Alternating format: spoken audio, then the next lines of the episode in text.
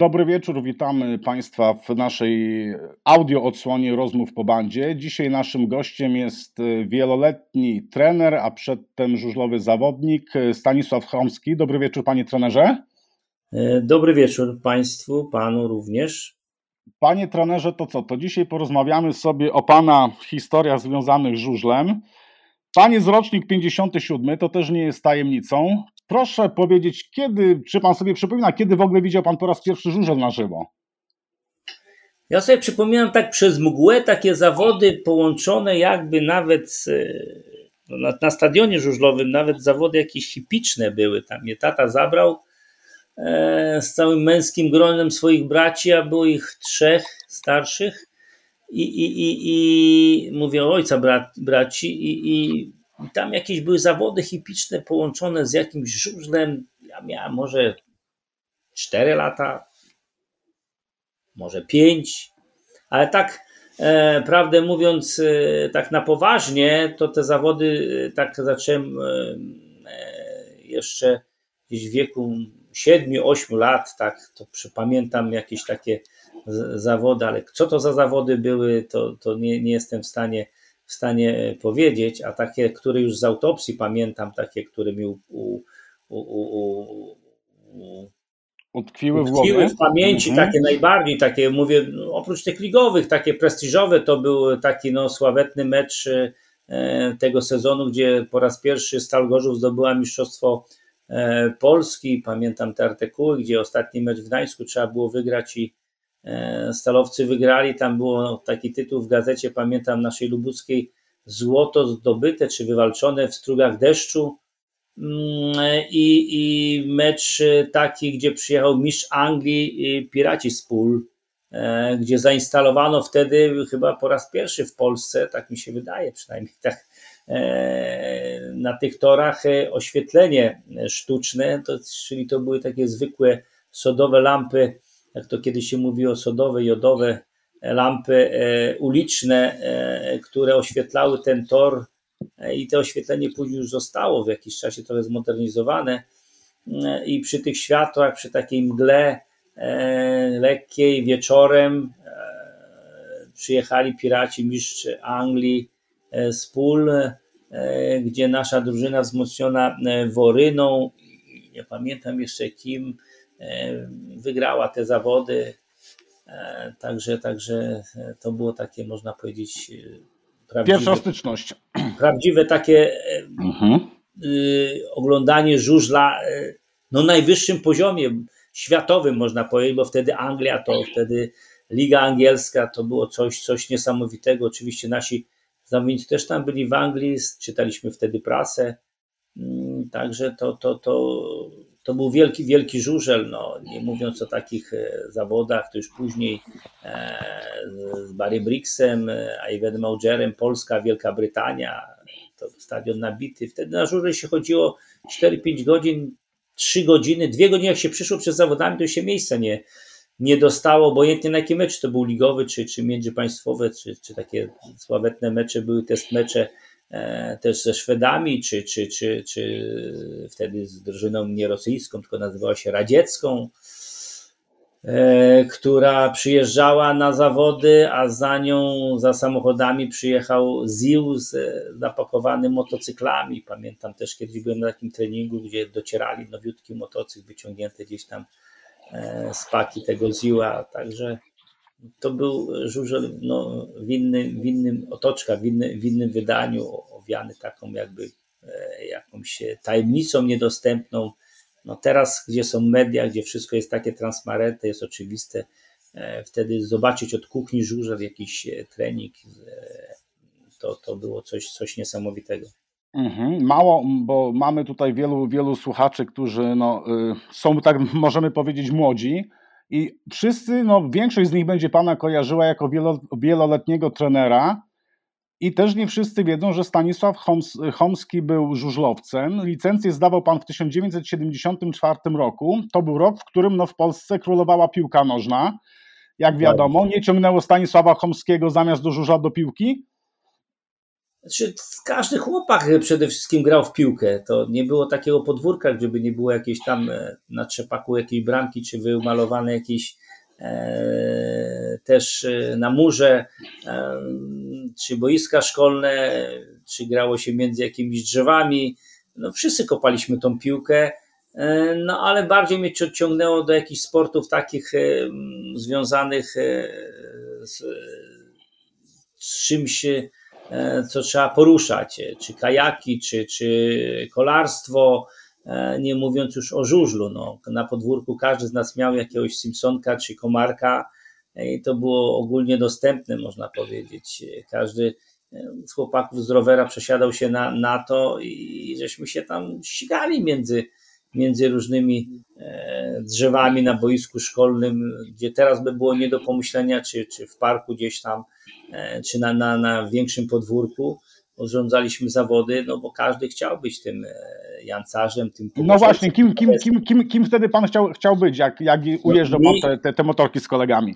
No mi imponował, mi imponował Andrzej Pogorzelski z tego tytułu, że, e, że był bardzo, można powiedzieć, dżentelmenem na torze, bardzo technicznie jeżdżącym, E, też w życiu prywatnym zawsze elegancko ubrany, jeżdżącym Oplem rekordem, który wtedy był na tamte czasy no, czymś niesamowitym.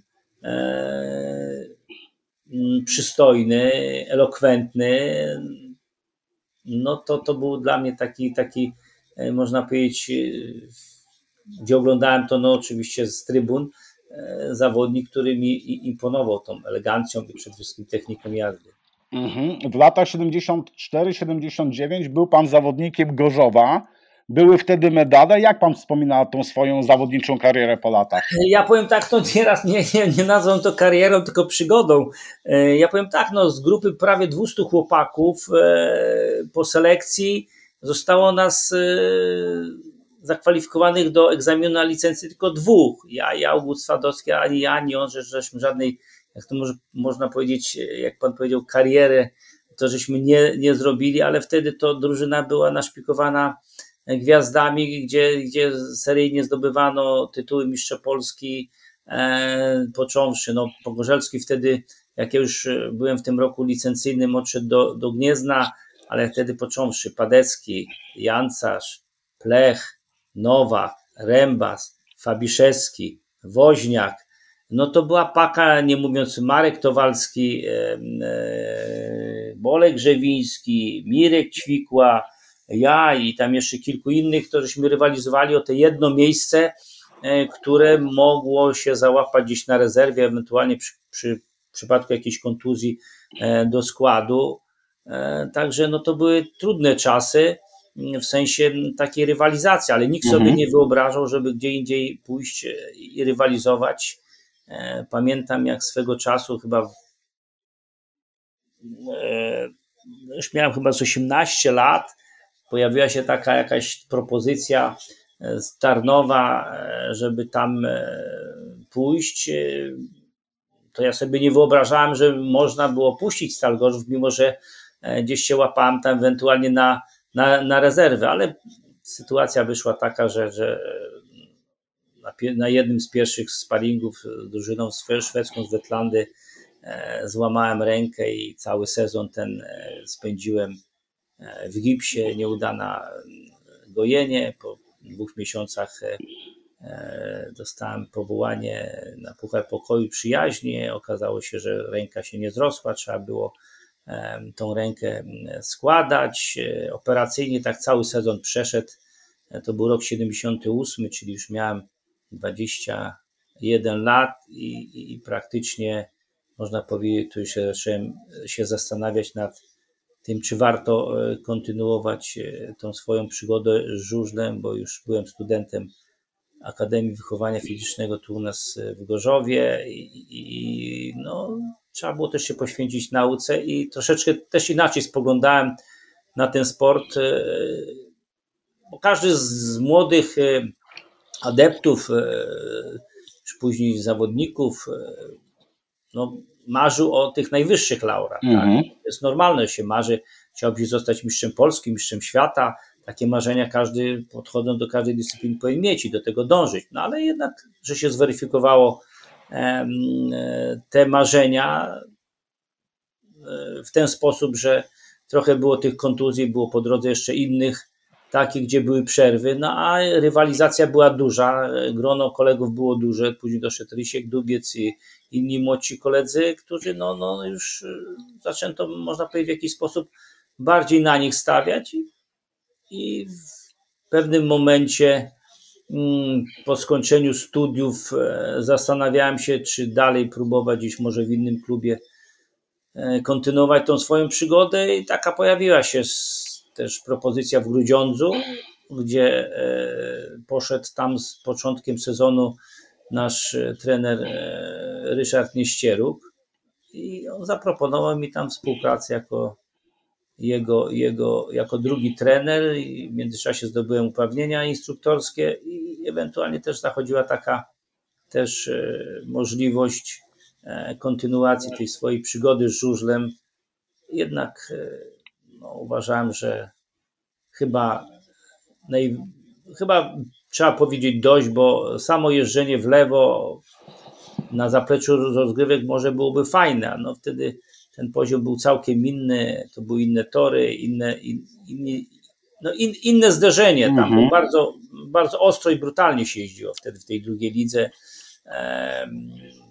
To były kolorowe czasy, można powiedzieć. Zawodnicy się wozili po płotach, ale bardzo się szanowali po, po zawodach. E, nikt do nikogo nie żywił jakiejś większej urazy. Jak chciał coś komuś oddać, to udowadniał to na swoim domowym torze. E, Także postanowiłem, e, jak ktoś mówić, zakończyć tą tak zwaną karierę zawodniczą, zawodniczą. Mhm.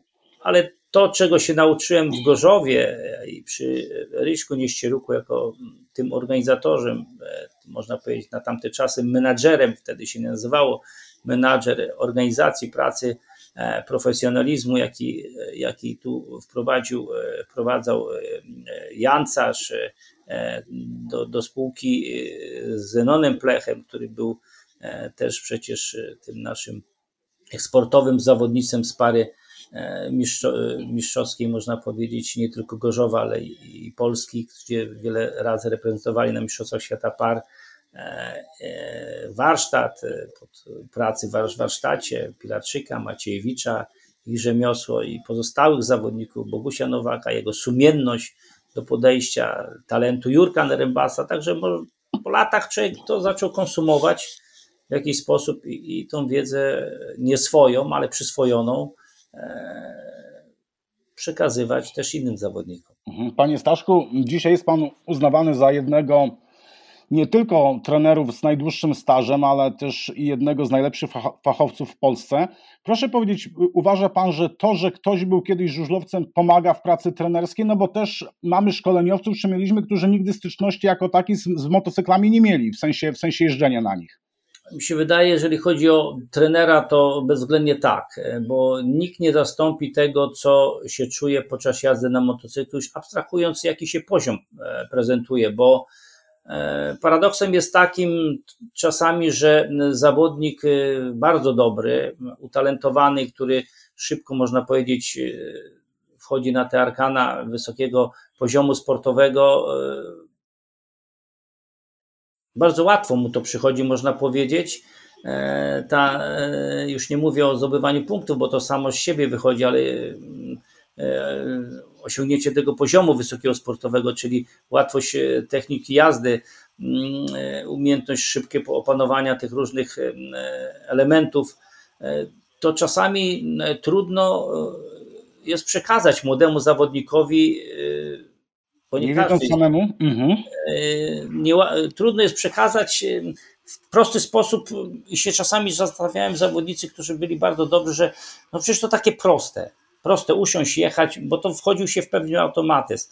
I, I, to czasami nie idzie w parze, ale mimo wszystko e, trener e, w każdej dyscyplinie. No, jeżeli nie czuł te, tego, tego, tego lęku, w cudzysłowie, wyniku, czy, czy załóżmy pewnego obawy, bo to jest, w żużlu to jest tak, no, jeżeli młody chłopak siada na motocykl, no to nikt mi nie powie, że nie ma jakiegoś obawy przed tym, czy się nie wywróci, czy, czy coś mu się stanie. No, jeżeli to podczas jazdy towarzyszy, no to nie ma mowy, żeby on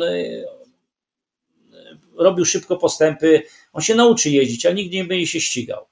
A mm, ten automaty się nabiera z biegiem czasu i później jest obawa przed wynikiem sportowym. Tak? Jeżeli tego sam człowiek nie doświadczył, obojętnie na jakim poziomie, jeżeli coś człowiek zaczyna umieć, zaczyna z kimś tam wygrywać, czy to jest na poziomie młodzieżowym, czy na poziomie już e, ligowym, no to ten, kto nie jeździł, no nie zna tego. Później jest, no, są e, sytuacje związane, że nie zaczyna iść. No, jest opinia publiczna, radzenie sobie z krytyką.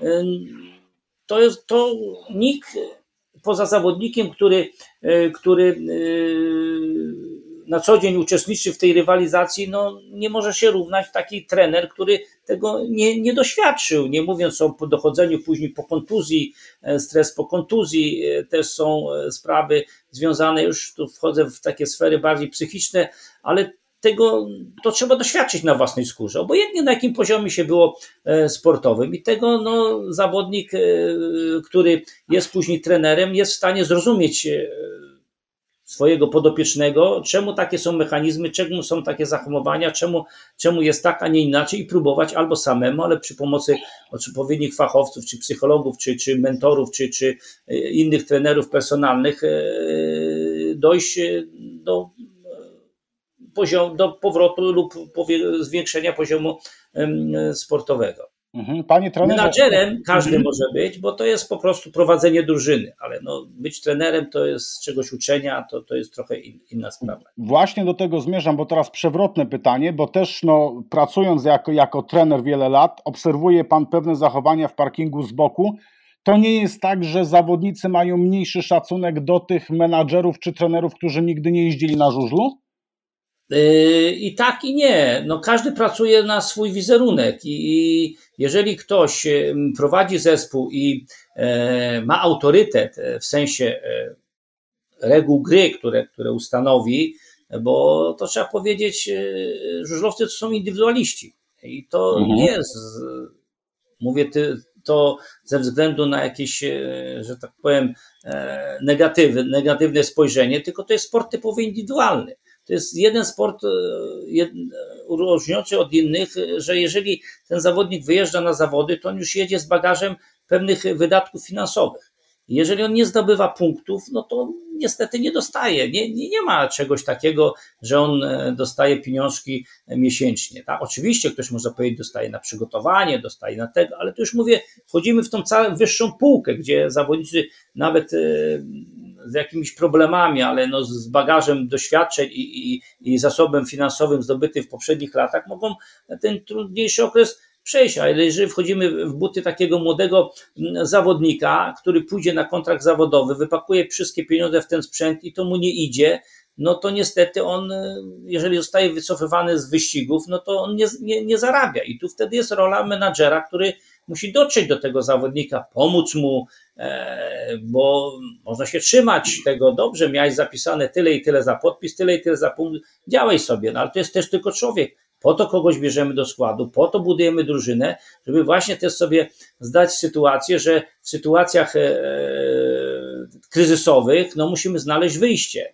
Też czasami no, jest to, że na dane miejsce, dane miejsce jest e, więcej zawodników. Nieraz miałem tak w swojej e, pracy, że, że no, tak skład był zbudowany, że tych zawodników było trochę więcej trzeba było znaleźć takie kryteria, które by pozwalały tym zawodnikom spokojnie e, czekać na swoją szansę, ale też no, trzeba im zapewnić też i środki e, do życia. No to jest trudna też rola menadżera i jeżeli on ten sposób będzie pracował, że, że e, będzie miał autorytet, bo będzie dotrzymywał swojego słowa i będzie umiał pomóc tym zawodnikom w różnych sytuacjach, oni będą czuli wsparcie, nie matczyną taką opiekę, że no nie idzie, to ja ci załatwię sponsora, to tego, coś ci tam dam, coś załatwię.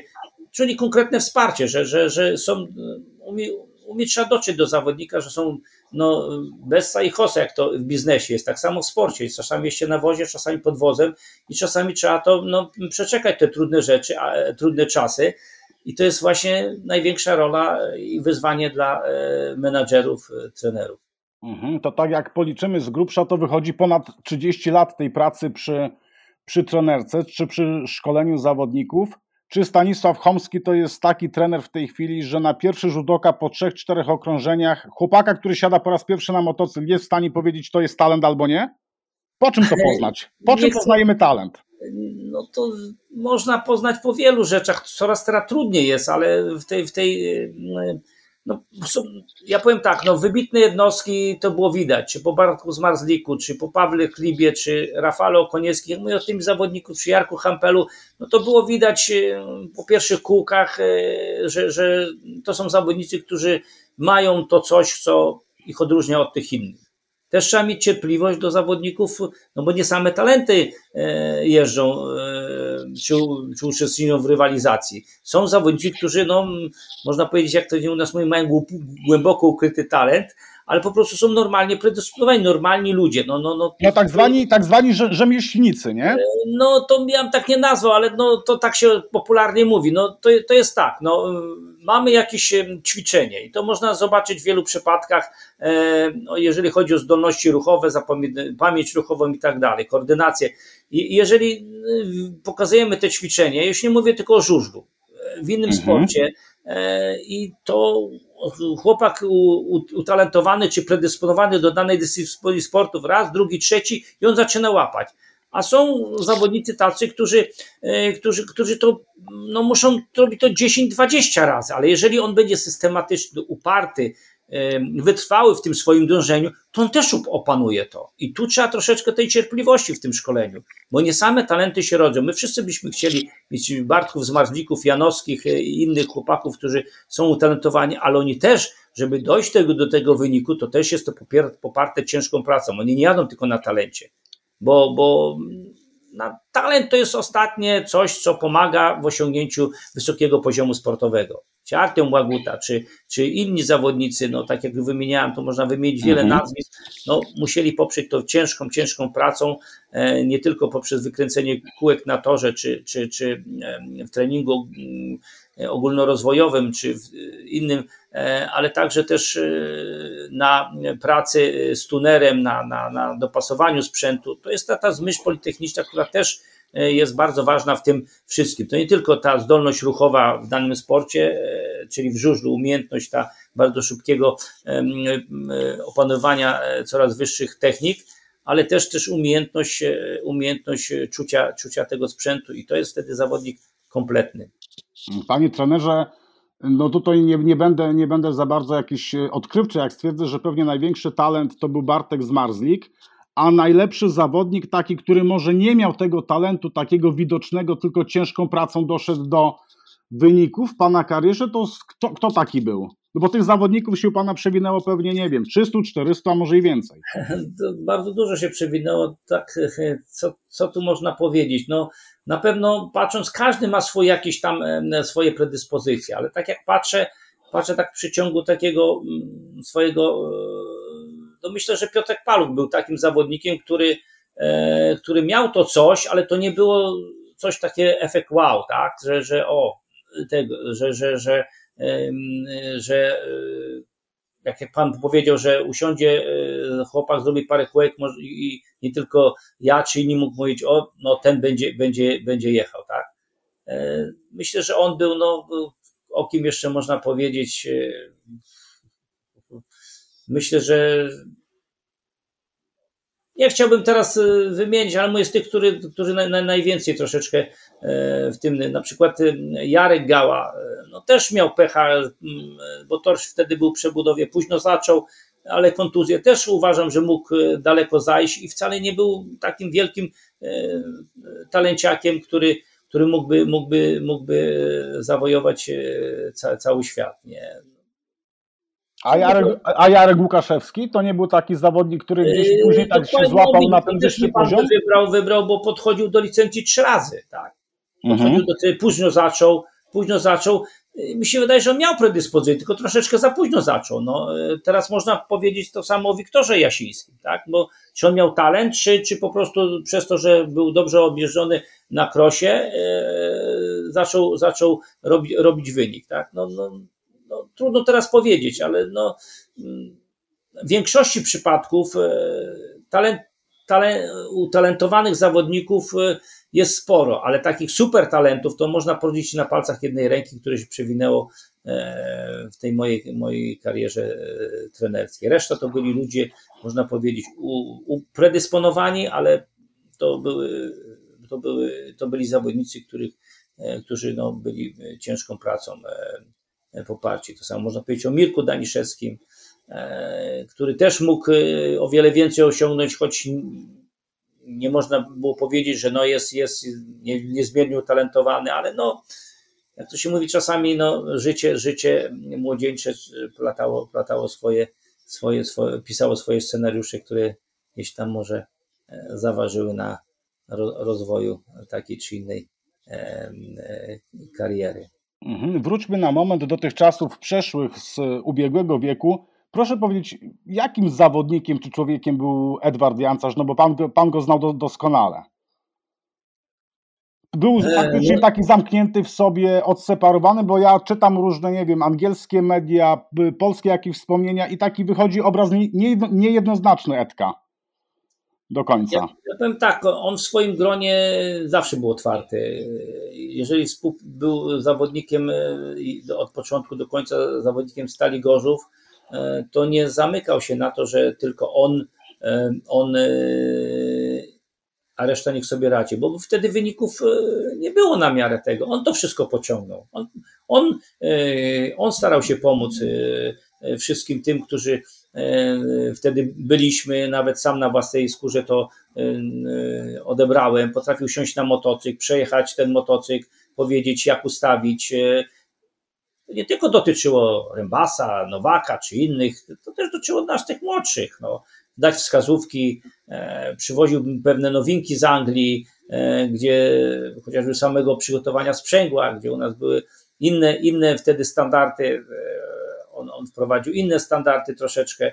E, także no, był zawodnikiem, e, który dzielił się też swoimi, swoimi, owszem, był skryty, taki można powiedzieć e, niewylewny, Mhm. To przeciwieństwo Zenka Plecha, który był no, duszą towarzystwa, można powiedzieć w cudzysłowie, jeżeli tak w ogóle to określenie jest adekwatne, jeżeli chodzi o, o żużel, ale no on porozładowywał pewne swoim zachowaniem pewne no, dość napięcia emocjonalne podczas treningów czy, czy zawodów.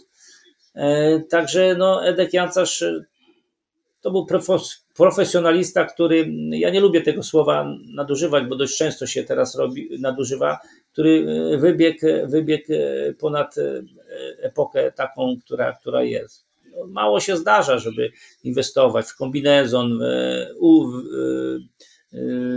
estetykę motocykla. To było wszystko. On nie chciał odbiegać wtedy od wyglądu, nie tylko stylu jazdy, bo jeździł bardzo dobrze w Wimbledonie, przecież był jednym E, z czołowych zawodników Ligi Angielskiej, nie mówiąc o, o klubie, e, gdzie był liderem, e, to, to nie chciał odbiegać od, od, od tych zawodników, z którymi na co dzień rywalizował w Anglii. Te, te tendencje kolorowych kombinezonów, kolorowych motocykli, no to się wzięła właśnie od, od tego, że, że mm, Edward Jantas i Zenu to przenieśli na polski, na polski grunt. Mhm. Proszę powiedzieć, od, y, po Grudziądzu wrócił Pan do Gorzowa i tak naprawdę od 1988 roku po dzień dzisiejszy zajmuje się Pan trenerką. Tych klubów i sukcesów to tutaj nie sposób wyliczać, bo trochę ich było. Z Pana punktu widzenia największa, największa przyjemność z pracy trenerskiej i największy sukces w Pana mniemaniu? Złoto z reprezentacją Polski? No, na pewno był to okres czasu, że nikt wtedy nie chciał prezentacji objąć. Ja pamiętam wtedy ówczesny e, przewodniczący Głównej Komisji Sportu Żurowego, pan Marek Karwan, e, zaprosił mnie na posiedzenie Głównej Komisji Sportu Żurowego. Ja nie wiedziałem, że wtedy też tam była cała kadra, chyba jakieś tam mieli e, podpisywanie zobowiązań kadrowych czy coś. I, no, były kilka telefonów było, czym się nie chciał zająć i tak dalej. Ja uważałem, że no, są bardziej znakomici trenerzy od, ode mnie e, w kraju i którym, którym powinno się to zaproponować. Nie wiem, czy proponowano, czy odmówiono. To wtedy był taki okres, że no, byliśmy gdzieś tam bardzo, bardzo daleko od tych medali. E, były różne zawirowania, nieporozumienia, które może powodowały, że tak to było. I, no postawił mi przed faktem za, za, za dokonanym. E, wchodzę do sali. On mówi, że tutaj przedstawiam wam waszego nowego trenera. I co miałem powiedzieć? Zaskoczony, był pan, zaskoczony był pan tą propozycją objęcia kadry? Znaczy ja wiedziałem, ja miałem propozycję, tylko ja nie chciałem się zgodzić, bo wiedziałem, że no, moim źródłem utrzymania to był, był klub. Ja nie mogłem sobie pozwolić na to, żeby, żeby, e, żeby e, zaniedbać pracę klubową, ale wtedy takim może mentorem e, pod tym względem kierownikiem tej menadżerem kadry był wcześniej namaszczony Szczepan Bukowski, bardzo dobry organizator, który no przez wszystkie szczeble, jeżeli chodzi o swoją e, karierę zarządzania e, klubem, od kierownika drużyny po prezesa klubu, to on zbudował tą potęgę unitarnów. e, i on widział we mnie jakiegoś no, tego, który może, może, może jakoś to pociągnąć. No, no, no co, musiałem się zgodzić, bo nie wypadało odmówić i wtedy narodził się pomysł, spotkaliśmy się, pamiętam, na, e, przed finałem Złotego Kasku we Wrocławiu z całą kadrą. E, wyłożyłem swój, swoje, że tak powiem, credo, jak mamy działać, żeby, żeby e, ten, ten medal zdobyć, bo finał był we Wrocławiu, półfinał był w Eksklistunie. Role wtedy już były podzielone można powiedzieć. E, wtedy tylko można powiedzieć tym zawodnikiem, który był znany na świecie, to był e, Tomek Golob, który jeździł na stałe, na stałe w Grand Prix. Resztę to było zawodników, którzy byli chętni e, i bardzo głodni te, tego, tego wyniku. Ja powiedziałem prosto, no, gdzie możecie się pokazać na stałej arenie E, światowej, jak nie e, poprzez Puchar Świata i zdobycie tego e, trofeum. To jest jedyna droga, gdzie możecie być zauważeni i, i pokazać, że w tej rywalizacji wcale nie jesteście gorsi. No można powiedzieć, jakoś to poszło. Mhm. Po, po okresie gorzowskim 90, po 90 chyba 5 roku albo w 95 już nie pamiętam, poszedł pan do Polonii Piła nie, y, jak, jak to się stało, że pan tam trafił? Co, co zadecydowało o poprowadzeniu Polonii Piła? To takie troszkę można powiedzieć, na, narastał, narastał trochę może nie konflikt, ale taka e, nadwyrężenie zaufania między mną a zarządem po meczu w Lublinie, gdzie swego czasu mieliśmy rozgrywać mecz ligowy, a wcześniej był turniej, mm, e, turniej e, na e, Gwardii Warszawskiej mocno obsadzone, gdzie uczestniczył i Franciszyn i, i, i Świst z naszego klubu. No, oczywiście trzeba było dostać wszystkie dokumenty, licencje. No i okazało się, że, że zawodnicy nie zabrali ze sobą e, licencji po, po zawodach. E, te licencje dotarły, ale jak to się można powiedzieć, po czasie ktoś zabrał te licencje. No, my rano wyjechali, wyjechaliśmy, byłem pewny, że zawodnicy mają. Może mój błąd był, że rano na śniadaniu zapytałem się, gdzie mają licencje przy, przy zgłaszaniu do zawodu, bo ja wtedy byłem sam, nie było, byłem i trenerem, i kierownikiem przez wiele, wiele lat. Dopiero e, sobie dobrałem, e, można powiedzieć, na takim castingu, e, rozmawiając i dając pewne zadania wielu osobom Krzysia Orła, który do dzisiaj jest, e, ale to już był rok tam 2000 chyba drugi czy trzeci. No i okazało się, że nie mamy i musimy, odjechać mecz e, towarzyski, bo taki był regulamin. No później po, po czasie, po czasie ten mecz e, już mnie wtedy nie było, jednak powtórzono. W międzyczasie był mecz, mecz w Częstochowie, gdzie przegraliśmy ten mecz sławetny wtedy ten bieg E, Hamila, Śwista, gdzie z trzeciej pozycji e, Joe Screen ich wyprzedził, co dla mnie też było niezrozumiałe. No, Barcelona mnie wtedy chyba e, ojcem tych, tych, tych, tych porażek. Czyli co, myśli, myśli pan, że ten, ten bieg screena to tak to nie, nie, nie, był, nie był do końca prawdziwy, mówiąc w cudzysłowie? Ja tego nie powiedziałem. Niech dopowie. Dla mnie to było po prostu no, nie, niebywałe, bo zadanie mieli zawodnicy, bo prowadziliśmy wtedy, y, przegraliśmy jednym punktem, wtedy, Max, wtedy Sławek Drabik był wykluczony z powtórki, było w trzech i wystarczyło, wtedy był, nie był łapany ani y, Billy Hemil, ani Piotrek Świs i, i wyraźnie mówiłem, nie ma jazdy parą, a jest jazda indywidualna, kto wygra, niech wie do przodu i tyle. No nie wiem, dziwi, jakoś jechali parą, może tak chcieli widowiskowo zakończyć ten mecz, nie wiem. No zostawmy to, to jest nie najważniejsze.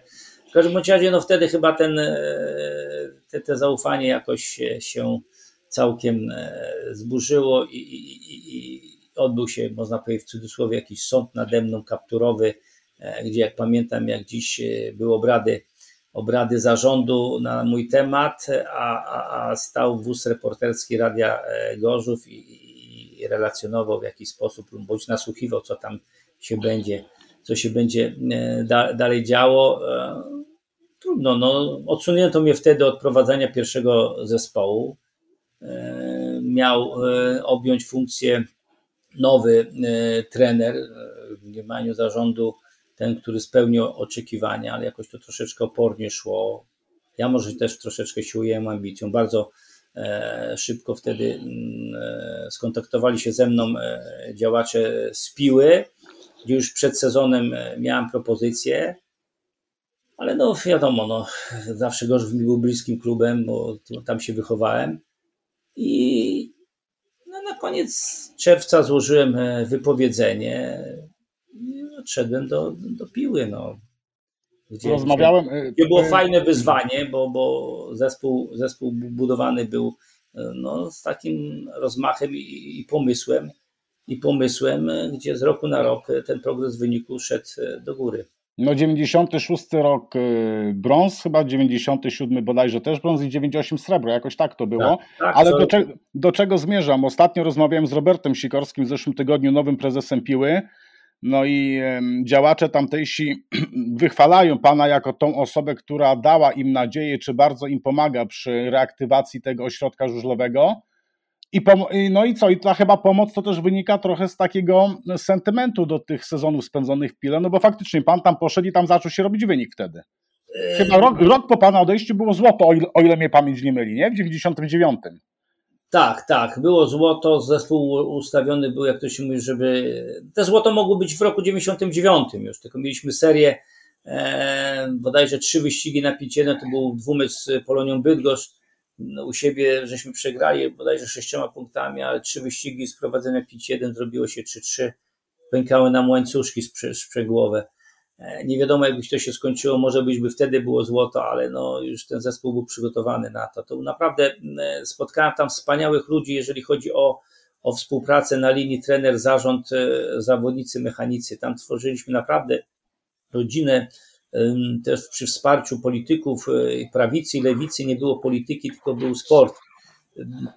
Także mówię, przy, przy kierownictwie wtedy prezesa Wilczyńskiego, współpracy Jerzego Cerby, Mariana Madeja z tych firm, czy bracie Kiertów, to, to naprawdę były długie, długie, bardzo długie i, i konstruktywne, choć nie zawsze łatwe rozmowy, i w obecności zawodników, i w obecności e, mechaników. E, tam naprawdę e, tworzyła się historia żużla i, i wzorcowa praca, więc ten, ten okres to dla mnie jeden z najbardziej wzorcowych i, i, i najlepiej wspomina, jeden z najlepiej wspominanych okresów pracy. Nie tylko ze względu na wynik, ale też, też na, na atmosferę, jaka była, choć nie były łatwe czasy współpraca e, no, z, ze świętej pamięci e, e, Edwardem Walczakiem, ojcem, oj, ojcem syna, syna, który jeździł Walczaka. Nie było łatwa, bo był bardzo wymagający. Wtedy pamiętam, nawiązaliśmy współpracę i z Henią Brodalą, i z Rysiem Kowalskim. To byli też tunerzy rodzimi E, duża, duża była też e, pomoc e, Hansa Nielsena, który bardzo mocno się otwierał. to był zespół, no też przecież i przyszedł ten, nie Krzysiek Kasprzak, tylko jego tata Kasprzak, który, który no, był bardzo mocnym punktem, choć no, charakterologicznie to nie są łatwi ludzie. Janek Krzystyniak, Krzysiek Okupski, to zawodnicy, którzy gdzieś w pewnym momencie e, byli w swoich klubach e, może nie skreśleni, ale już nie stawiano na, na, na nich, a tu przyszli i można powiedzieć przeżywali drugą młodość, jak chociażby wzięty można powiedzieć znikąd Robert Fliss, który był objawieniem swego e, czasu w Pile i zdobywał ważne, ważne punkty, nie mówiąc o też młodzieży, która ruszyła do przodu, młodzież Pilska, Rafał Kowalski, E, Krzysiu Pecyna, Mariusz Franków. E, także no, to, to, to, to było. Poza tym no, też to były drzwi otwarte dla nowych ludzi. Ci, ci działacze też patrzyli w inny sposób, e, szukali poza, poza z kręgiem swoich tutaj możliwości, ale też w innych klubach, stwarzając dla tych młodych chłopaków, którzy musieliby czekać w kolejce, bo kiedyś taka była hierarchia, jak Rafał Okoniewski czy Jarek Hampal, nie mówiąc o, o Rafale Dobruckim, na, na swoją kolejkę w innych klubach, bo, bo konkurencja była duża, tu dostawali miejsce, można powiedzieć, ja im gwarantowałem te miejsce do jazdy w składzie przy, przy, przy Hansie Nielsenie, który był no przecież no, profesorem. Profesorem, można powiedzieć. I w tym momencie się troszeczkę otwierał na to wszystko.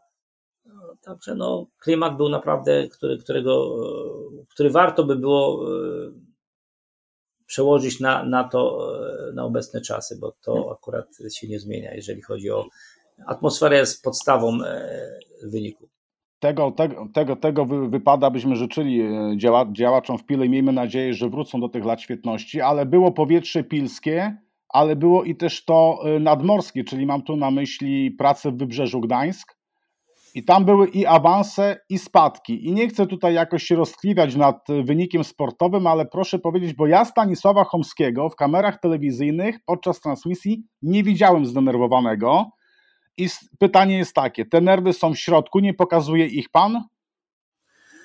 Nerwy są, bo już kilka za swoje zachowanie dostałem kilka kar, zawieszeń i finansowych. E, co prawda nie w gdańskim klubie, no być może to poprzednie lata uchodziły trochę płazem, a teraz e, troszeczkę większa jest transparentność tego wszystkiego.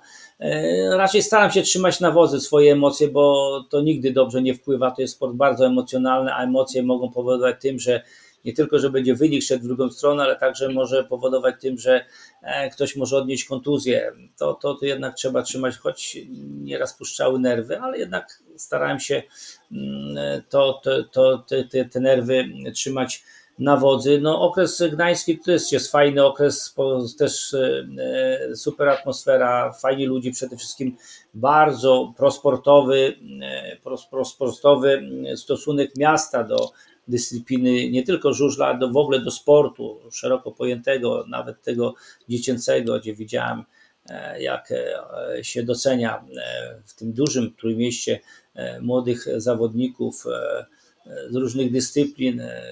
Na czele, mówię, no takim motorem był Andrzej Trojanowski, szef sportu mm, gdańskiego, który potrafił, potrafił wszędzie być i, i przełożyć to na i wynik finansowy i organizacyjny różnych dyscyplin sportowych, e, nie mówiąc o żużlu, który, jak e, Pan powiedział, e, to awansował, to spadał. Coś zawsze było takiego, że poprzednie, poprzednie władze zawsze jakoś tak nie potrafiły współpracować z tymi nowymi i to każdy chciał komuś coś udowodnić, że ten robił lepiej, a ten robił gorzej. No szkoda tego, tego, tego, bo można było, można było, e, można było e, ten żużel wprowadzić na, na wyższy poziom już na dłużej eksaligowy. Myślę, że takim momentem przełomowym to był przegrany dwumecz z, ze Spartą Wrocław o utrzymanie w ekstraklasie.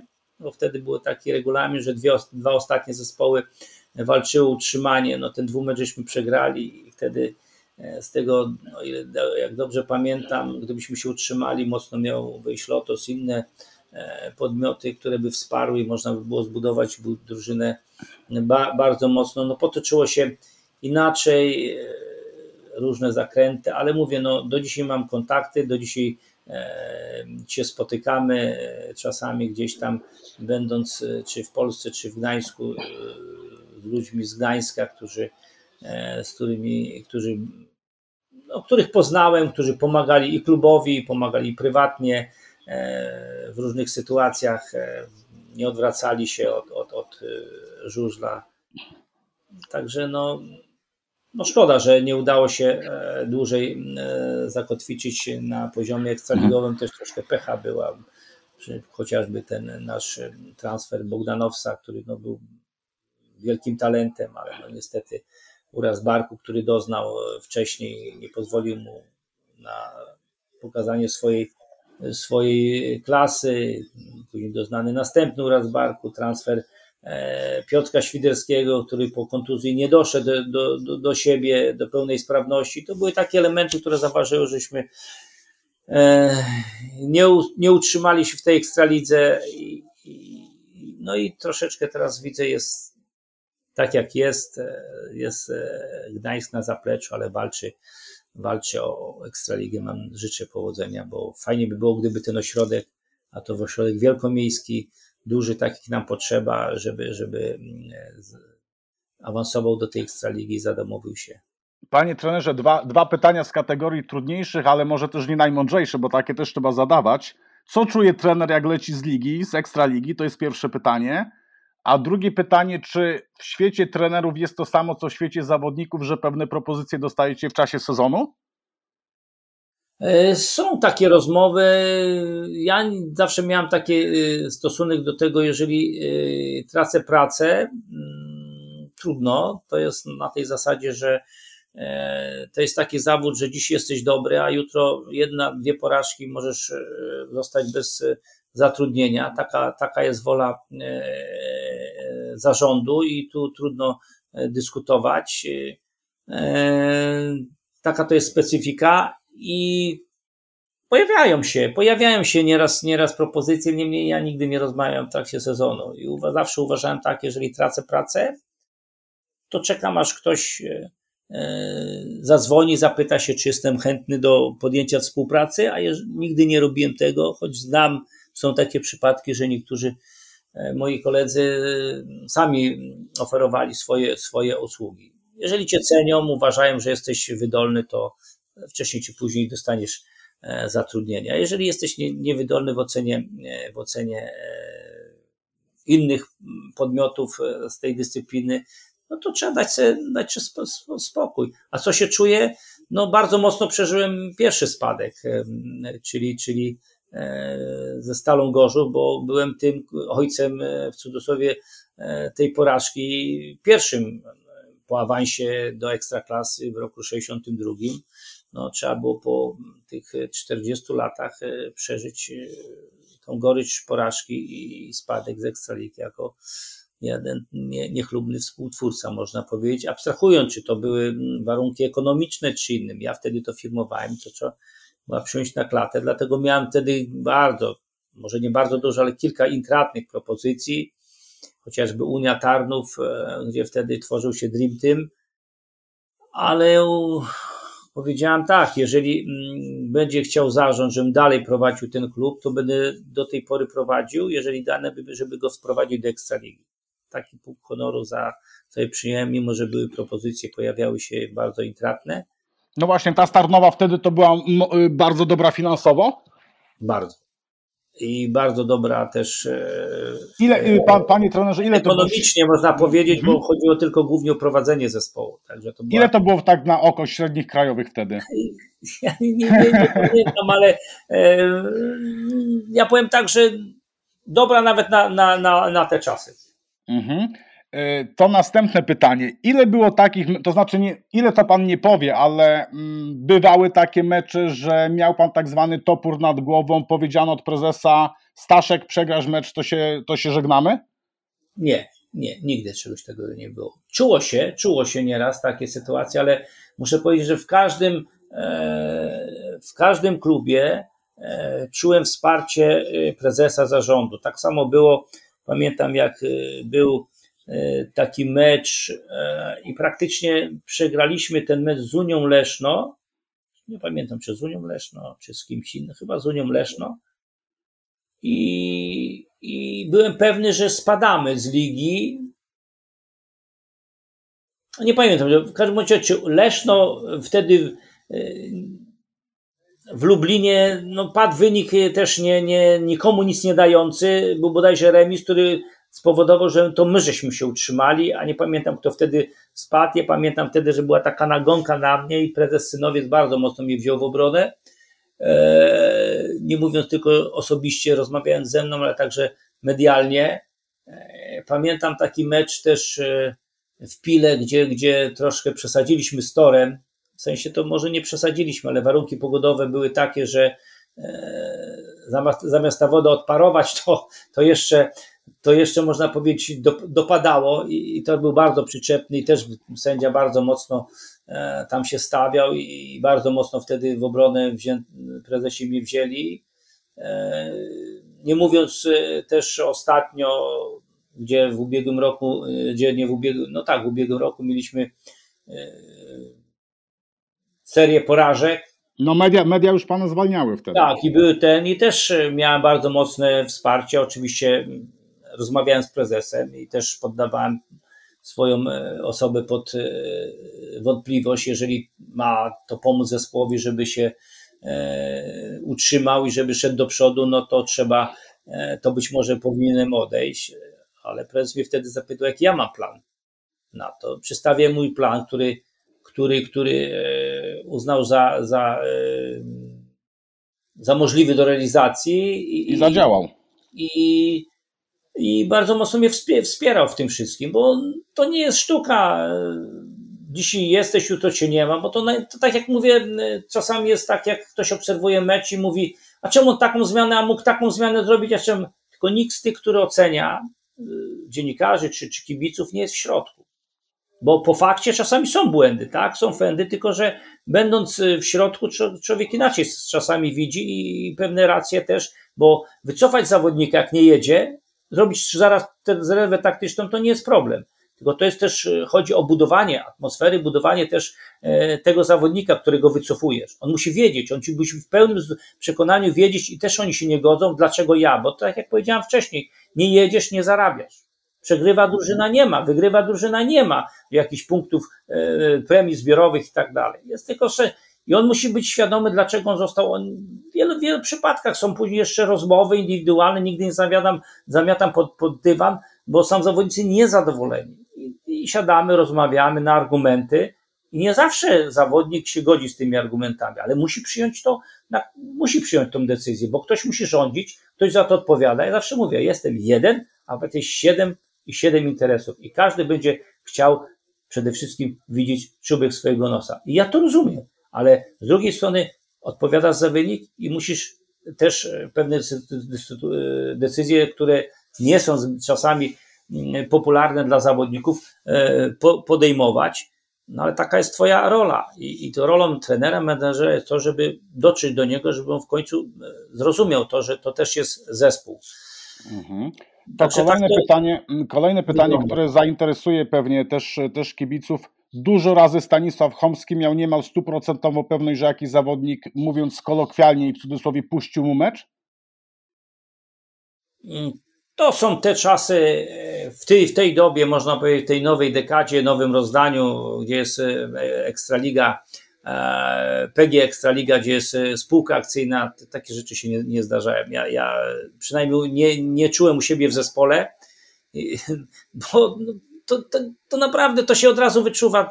Takie sytuacje to były, e, na no, pewno ale w tych były. czasach, tych przed PG Ekstraligą były, były, prawda? Lata 90. I, czu, I czułem to, że, że, że były takie, takie, takie sytuacje, mogły być koleżeńskie. To nie chodziło tak, że też, też o, o, o sytuację, że ktoś komuś tam ileś dał i tak dalej. Były mecze takie, gdzie no, nikomu nie zależało, a komuś może trzeba było po koleżeńsku, jak to się mówi w cudzysłowie, może, może pomóc i tak dalej. Bo no, ktoś, jeżeli mówi o kupczeniu, to naprawdę trzeba się zastanowić, bo to jest bardzo ciężkie oskarżenie, łatwo się mówi, ale naprawdę, żeby to powiedzieć, że ktoś coś ukradł, czy e, ktoś coś sprzedał, Trzeba przehandlował, mówiąc w języku sportowym, to znaczy nie sportowym, tylko popularnym, to jest bardzo, bardzo nigdy tego nie używam, bo naprawdę trzeba mieć 200% pewności i, dowodów, że, że tak się stało. Oskarżyć kogoś jest bardzo łatwo. W obecnej dobie to za duże pieniądze wchodzą w grę, żeby się szmacić za jakieś tam e, pieniądze, które może są duże e,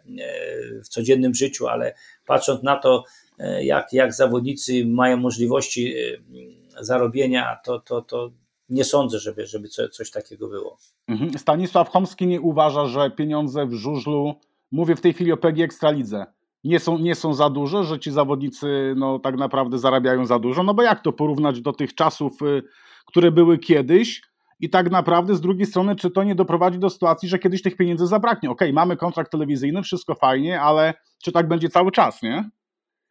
Ja uważam, że nigdy nie są za duże. To jest sport tak ryzykowny. E, ułamki prowadzą do, do wielu tragedii. E, nie, nie chcę przytaczać e, chociażby przykładów z tego sezonu, bo, bo, bo widzimy, gdzie młodzi zawodnicy ulegają ciężkim kontuzjom. Na szczęście, e, dzięki Bogu, cudownie zdrowieją, ale wielu jest przypadków, że jeżdżą na wózkach i tak dalej. Wtedy nikim nawet szklanki wody nie poda. Szybko się o nich zapomina. E, jeżeli jest taki trend i takie możliwości, stać nas na to, żeby płacić takie pieniądze zawodnikom którzy naprawdę na to e, może nie zasługują, ale zarabiają poprzez zdobywanie swoich punktów, medali i tak dalej, e, to ja im, ja im tego nie żałuję. Ja tego nie mogę się pogodzić z tym, że jest taki duży pęd do pieniędzy tych młodych zawodników. No ale co zrobić? Taki, taki jest rynek. No, taki rynek dyktuje, co, kto komu zabroni być bogatym. No, no ale to też trendy, no, no, i co zrobić? No, ale panie trenerze, to w młodym wieku to, to tak to jest naprawdę. Towar, też... To jest po prostu, można powiedzieć, tak tyle towar kosztuje deficytowy. No. no ale to też trzeba mieć y, świadomość tego, czy prezesi powinni mieć, że te pieniądze to tak naprawdę jest bardzo duże prawdopodobieństwo, że one zniszczą tych, tych, tych młodych chłopaków. Nie? Mieliśmy przykład, nie wiem, nie chcę tu wymieniać po nazwisku, ale faktycznie ostatnio do tym zawodnikom się płaci naprawdę grube setki tysięcy złotych i nie do końca za jakiś talent, no bo co można powiedzieć, e, nie ujmując o Kowalskim, który robi 8 punktów, no i później ktoś mu płaci niebotyczne pieniądze. No tak, ale jeżeli on te pieniądze zainwestuje w sprzęt, w logistykę, w to wszystko, czyli nie będzie musiał iść y, małymi krokami, jak to e, nawet Bartek Zmarzlik e, szedł małymi krokami, pamiętam jak jego wyglądał pierwszy kontrakt, co dostał po zdaniu licencji, e, to pytano się, co chciałbyś dostać, w sensie, no, no w co trzeba inwestować. No, o ile dobrze pamiętam, to mi mówił, że dostał dwa nowe sprzęgła, nie? Ale mówię, no jeżeli to on te pieniądze zainwestuje, on czy inny chłopak faktycznie zainwestuje sprzęt, będzie miał spokój, tą bazę i to się przełoży na wynik, jest to warte. Ale jeżeli się nie przełoży na wynik, to to są pieniądze wyrzucone w błoto. Mhm. Bo, no, teraz można powiedzieć prosto z mostu i nikt nie odkrywa Ameryki, że teraz e, no, w wyniku sportowym też w dużej mierze decyduje sprzęt. Tylko, że też ten sprzęt, który się ma, to nie jest tak, że tunel zrobi, siądzie się i pojedzie. To jeszcze ten sprzęt trzeba no, zgrać, dopasować. Ja sam widzę po Bartku, ile, ile czy po innych zawodnikach tu z naszego podwórka, czy w innych klubach będąc, ile, ile oni, oni poświęcali czasu, żeby ten sprzęt spasować. To nie jest tak, że tuner Kowalski podstawi silnik i ten silnik puści sprzęgło, będziesz wygrywał. No, no to on robi te silniki dla wielu zawodników, tylko każdy jest inny i trzeba ten e, silnik e, dopasować do swojego stylu, poziomu jazdy, toru i tak dalej, i tak dalej, i tak dalej. To wymaga, wymaga czasu. I tu ilość pieniędzy, no nijak ma się do tego, do tego, ile trzeba włożyć pracy. Bo tu, tu, tu akurat nie praca, nie pieniądz, a praca jest potrzebna. Mhm, jest panie... który który pomoże, pomoże to wszystko zgrać. Panie trenerze, jeszcze mam takie pytanie do pana. W pana opiniowaniu zawodnik, który najbardziej zmarnował swój talent? Oj, to ciężkie słowo zmarnował talent, ale na pewno Pawła Chliba było stać, żeby dzisiaj jeździć w Grand Prix. Mhm. Czyli jego możemy przyjąć za numer jeden tych talentów nie, nie, niespełnionych. Niespełnionych trzeba powiedzieć, tak, tak. To był zawodnik no naprawdę obdarzony taką letkością jazdy, charyzmą, no ale no. Ale to co, popsuły go pieniądze, lekkie podejście do życia, no bo no, to... Zawsze gdzieś, gdzie, się, gdzie się zaczyna pieniądz, to się też zaczyna problem, no bo jeżeli jest łatwość zdobywania pieniędzy, no to też są i koledzy, to są młodzi ludzie, podatni na e, różne, e, różne pokusy życia, E, każdy z nas różnych rzeczy próbował, tych e, legalnych i nielegalnych. Nielegalnych? No, ale wszystko trzeba, jest dla ludzi. Trzeba, no wszystko jest dla ludzi, ale w pewnym momencie trzeba sobie odpowiedzieć, po co jestem i do, dokąd chcę zmierzać. No. Jeżeli to się mhm. zatraci, to później są rozczarowania. Największy profesjonalista, z jakim pan, w sensie zawodników, z jakim miał pan okazję pracować? No, to było kilku takich, ale powiem tak, no, e, można powiedzieć, teraz jest Bartek takim, który może już e, aż za bardzo e, rozkłada wszystko na detale, no ale no cóż, taka jest droga. To, co widzę, no wielu było takich, ale tak patrząc od, od tego, no to począwszy od Edwarda Jancarza, który wybiegł w tamtym czasie ponad epokę, to no, Hans Nielsen na pewno, na pewno Niki Petersen, bo właśnie to patrząc na to, właśnie o to jeszcze te pytanie o, o, o te talenty, nie talenty, które tego. Dla mnie, jak, a miałem możliwość obserwowania go przy różnych zawodach też rangi mistrzostw świata juniorów i innych w tamtym czasie, to, to żaden talent. Mhm. A trzykrotnym mistrzem świata został. Więc Czyli praca, praca i praca. Ale dlaczego ja mówię, że profesjonalista? Pamiętam sytuację taką, E, gdzie nie mówię też o Jason Crump i tak dalej, który też miał szczęście, e, że, że, że miał tatę, który, który też go mocno, mocno wspierał i, i, i wprowadzał na te różne dziadek Nil, ale patrząc na to Niki Petersen, który, który trzykrotny mi świata i pamiętam tak, dlaczego mówię o profesjonalizmie,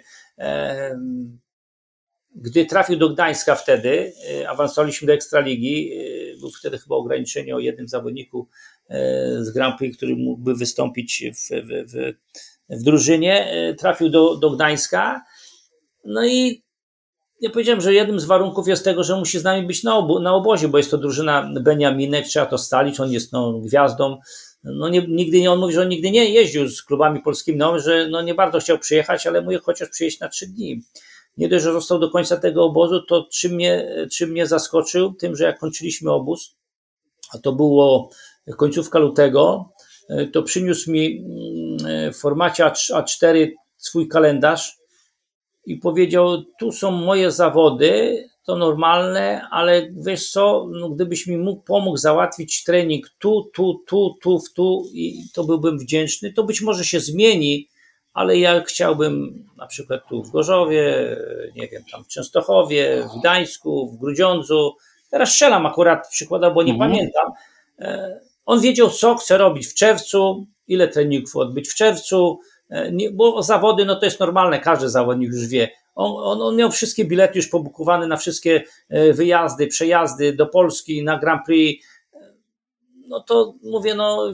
z każdym detalem e, pokazywał, co ćwiczy, jak ćwiczy, czy to jest dobrze i cały czas e, jakby licytował się, a ja też to robię i tam to robię. Także mówię, mnie tym zaskoczył, że e, z końcem lutego on, on już miał zaplanowane swoje, swoje, swoje swój, swój proces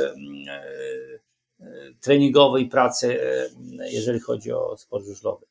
Panie trenerze, przyjmijmy, że jest pan szefem polskiego żużla. Co pana denerwuje i co by pan w pierwszej kolejności zmienił? E, to, że mm, może to jest, e, jak powiem tak, e,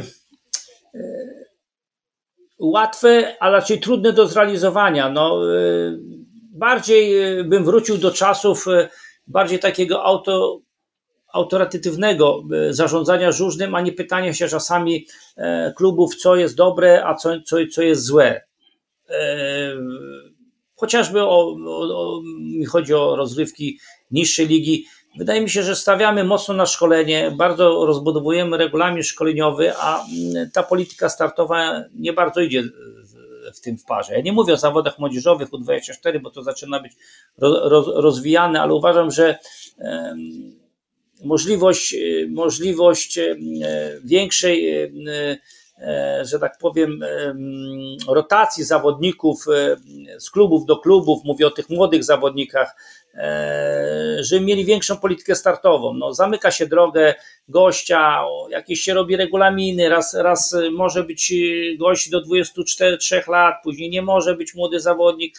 Dla mnie to się wszystko kłóci, bo jeżeli tworzymy drużynę do lat 24, tak, i dopuszczamy tych zawodników, no to dlaczego też nie dopuścić tych młodych zawodników, żeby te zawody do lat 24 nie tylko odbywały się na tej zasadzie, kto zdobędzie Mistrzostwo Polskie, ale żeby e, przede wszystkim najważniejsze było, żeby odbywały się biegi w pełnej e, obsadzie. Nie wszystkie kluby stać, żeby jeszcze być, mieć tych zawodników pełnowartościowych i obsadać e, te, te, te rozgrywki to dopuśćmy tych zawodników młodzieżowych. No, do, w tej drugiej lidze, ja wiem, no, bronią się mm, też kluby drugoligowe przed, przed młodzieżą naszą, e, bo, bo dzisiaj jest, jutro może, może, może nie być go, bo będzie klub potrzebował ekstraligowy, a dopuszcza się też zawodników e, zagranicznych, niejako zamykając e, przy zwiększeniu polityki szkoleniowej drogę dla tych, którzy już zdobywają licencję. No, no, wiele jest takich spraw,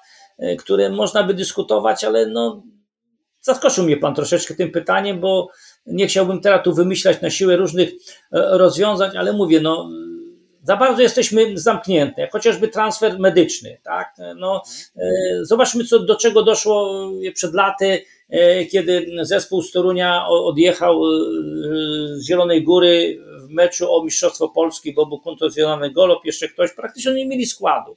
A za miedzą siedział, strzelam, nie pamiętam, Iversen, Zagar, którzy już skończyli ligę.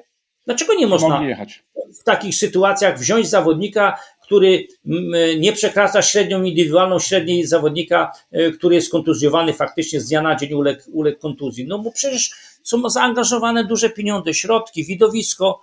Tracimy na tym wszystkim, no bo, bo tym się wydaje, troszeczkę powinniśmy no, bardziej to elastycznie do tego bo jeżeli mu stawiamy na widowisko, to zagwarantujmy, żeby te widowiska były naprawdę na wysokim poziomie. Przecież ja nie mówię o jakimś tam wyimaginowanym wypadku samochodowym czy skręceniu nogi na treningu. Są sytuacje, no dziś jest Grand Prix, jutro jest wypadek. Jeżeli któryś z zawodników jest chętny, żeby w takich zawodach wystąpić, bo, bo ma wolny termin, no nie, nie wystąpi. To jest problem y, między zainteresowanymi klub, klubami, bo my teraz mówimy o przynależności klubowej i innych takich rzeczach. No ja rozumiem, no widzimy jak to jest w Anglii, w innych klubach, że, że może gość zastępować, dziś jeździ tu, jutro tam. No przecież ten żużel to jest trochę takim cyrkiem no, na, na, na kółkach, no nie oszukujmy się. No. Ale mówię, no ja uważam tak, że przede wszystkim nie może cierpieć na tym widowisko i w tym kierunku te zmiany powinny iść. Jeżeli telewizja wchodzi bardzo szeroko i jest ten żużel bardzo mocno oglądany, może czasami mocno konkuruje, jeżeli chodzi o oglądalność mm, telewizyjną z innymi dyscyplinami, no to, no to ta widowiskowość nie może być zabita. No. Tak naprawdę w godzinę, panie trenerze, przelecieliśmy od y, ubiegłego wieku do czasów tych najnowszych. Za nami okres transferowy Marek Grzyb jeszcze przed y, tą taką gorączką transferową mówił mi w rozmowie, że no oczywiście Gorzów pojedzie o najwyższe cele. Rynek pan zna, wie pan jakie, jakie zaszły zmiany. O co Gorzów będzie walczył tak realnie? Mistrzostwo? Trudno teraz powiedzieć. No, zobaczmy, jak zespoły się powzmacniały. No, dla mnie tym czarnym koniem w cudzysłowie, tym, który jeszcze nie osiągnął tego celu dwa lata z rzędu, jest to Częstochowa i myślę, że tym roku mocno się włączy do rywalizacji o, o playoffy. Lublin, który jest mocny, no nie mówiąc o Wrocławiu, e, Toruniu. Także no, bycie w czwórce to jest e, plan minimum, e, ale to będzie też bardzo duże wyzwanie, bo z roku na rok jest trudniej, a gdzieś się w czwórce, no to już trzeba walczyć e, o najwyższe cele, nie? A czy to uda się, to zobaczymy. W tym roku też były plany można powiedzieć, e, też e, większe. Bogate. Ale kontuzje troszeczkę w jakiś sposób nam zniweczyły e, te nasze te realizację tych naszych planów. No, co zrobić? No, to jest wszystko wkalkulowane w ryzyko uprawiania tego sportu. Patryk Hansen będzie czarnym koniem Stanisława Chomskiego? No bardzo bym chciał, żeby tak było i żeby żeby tak się stało, ale no też wiemy, jakie wyzwania stawia Ekstraliga i wiemy, i nie wiemy, no, widzimy, jak sobie radzili potencjalni zawodnicy, którzy w ubiegłym roku rywalizowali na tej pozycji i nie zawsze to wyglądało tak różowo. Myślę, że chciałbym, żeby to było inaczej w wykonaniu Patryka Hansena i wierzę, że przy pomocy tu naszych wspólnych, wspólnymi siłami, jeżeli będzie trzeba, to, to, to pomożemy. Panie trenerze, dobrym skutkiem. Panie trenerze, teraz na koniec trzy nietypowe pytania. Pierwsze z nich siódemka marzeń zawodników, których pan trenował. Siódemka marzeń, że tak od końca, no idąc e, Bartek Zmarzlik, e, Hans Nielsen, Jason Kramp, Tomasz Golob, e, Piotrek Świst. Ile tu już wyliczyliśmy? Sześciu. No, Rafał Dobrucki. No jeszcze, no na pewno to trochę więcej było ich niż, niż siedmiu, nie? Parę, parę, parę drużyn pewnie by złożył, ale Kampel, tak, no, no, no. Wymienił, wymienił pan y, Piotra Śwista, to jeszcze na moment do niego wrócę. Gdyby nie ten fatalny wypadek Wiener Neustadt, gdzie mógł dojść Piotrek Świst sportowo? No na pewno o stopień wyżej.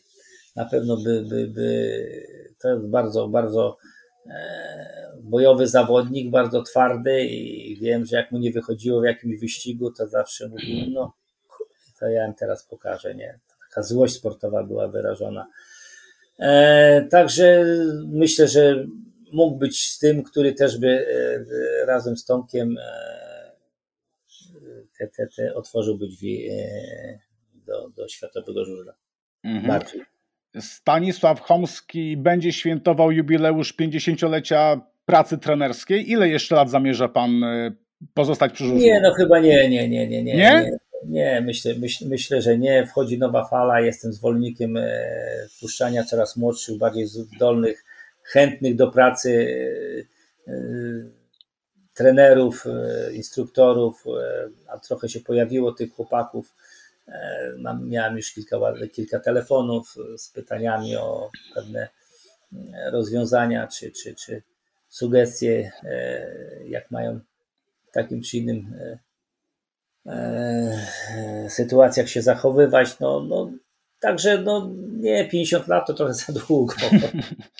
Nie, nie, nie. No mówię jeszcze, jeszcze trochę, ale mówię, dopóki, dopóki będę czuł e, przyjemność z tej pracy i, będzie zapotrzebowane pracę, to tak, ale myślę, że e, nie chcę wymieniać lat, bo, bo ktoś później mnie może złapać za, za język. Nie wiem, czy to będzie rok, czy dwa, czy, czy cztery. Trudno mi powiedzieć, ale myślę, że nie więcej najlepsza odskocznia od tego stresu, który, który jest w tej pracy przy, przy żużlu dla Stanisława Chomskiego, to co? Spacer, dobry film, czas z rodziną?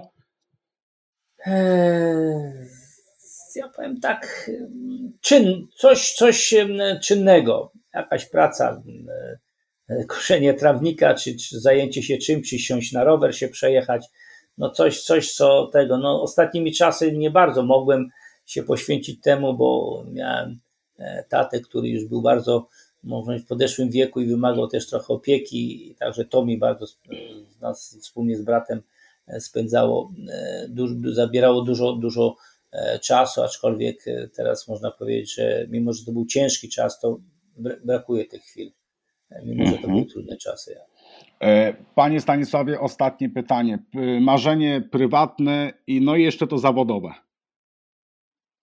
prywatne, no móc e, już po zakończeniu tej, tej, tej swojej przygody zawodowej żużle usiąść się na trybunach, spokojnie pooglądać, porozmawiać z kibicami, e, oglądać fajny mecz, cieszyć się, się widowiskiem. E, a zawodowe, no jeszcze coś osiągnąć. No. Jaki, zło, jak, jakie złoto? Do, dorzucić, dorzucić najbardziej to choć będzie bardzo, bardzo ciężko dorzucić ten złoty medal na 75-lecie klubu. Nie? Mhm. Panie Stanisławie, myślę nie tylko ja, ale i słuchacze tego panu życzą. Ja bardzo serdecznie dziękuję. Mieliśmy rozmawiać pół godziny, wyszło nam godzinę 15. Także wielki, wielki szacunek za czas i no, wypada życzyć tylko wszystkiego najlepszego. Naszym gościem był dzisiaj Stanisław Komski, aktualny trener Stali Gorzów. Dziękuję bardzo, panie Stanisławie. Dziękuję panu, dziękuję państwu, że mogliśmy tak długo sobie pogaworzyć. Mam nadzieję, że nie przynudzałem. Dziękujemy, do usłyszenia. Do usłyszenia.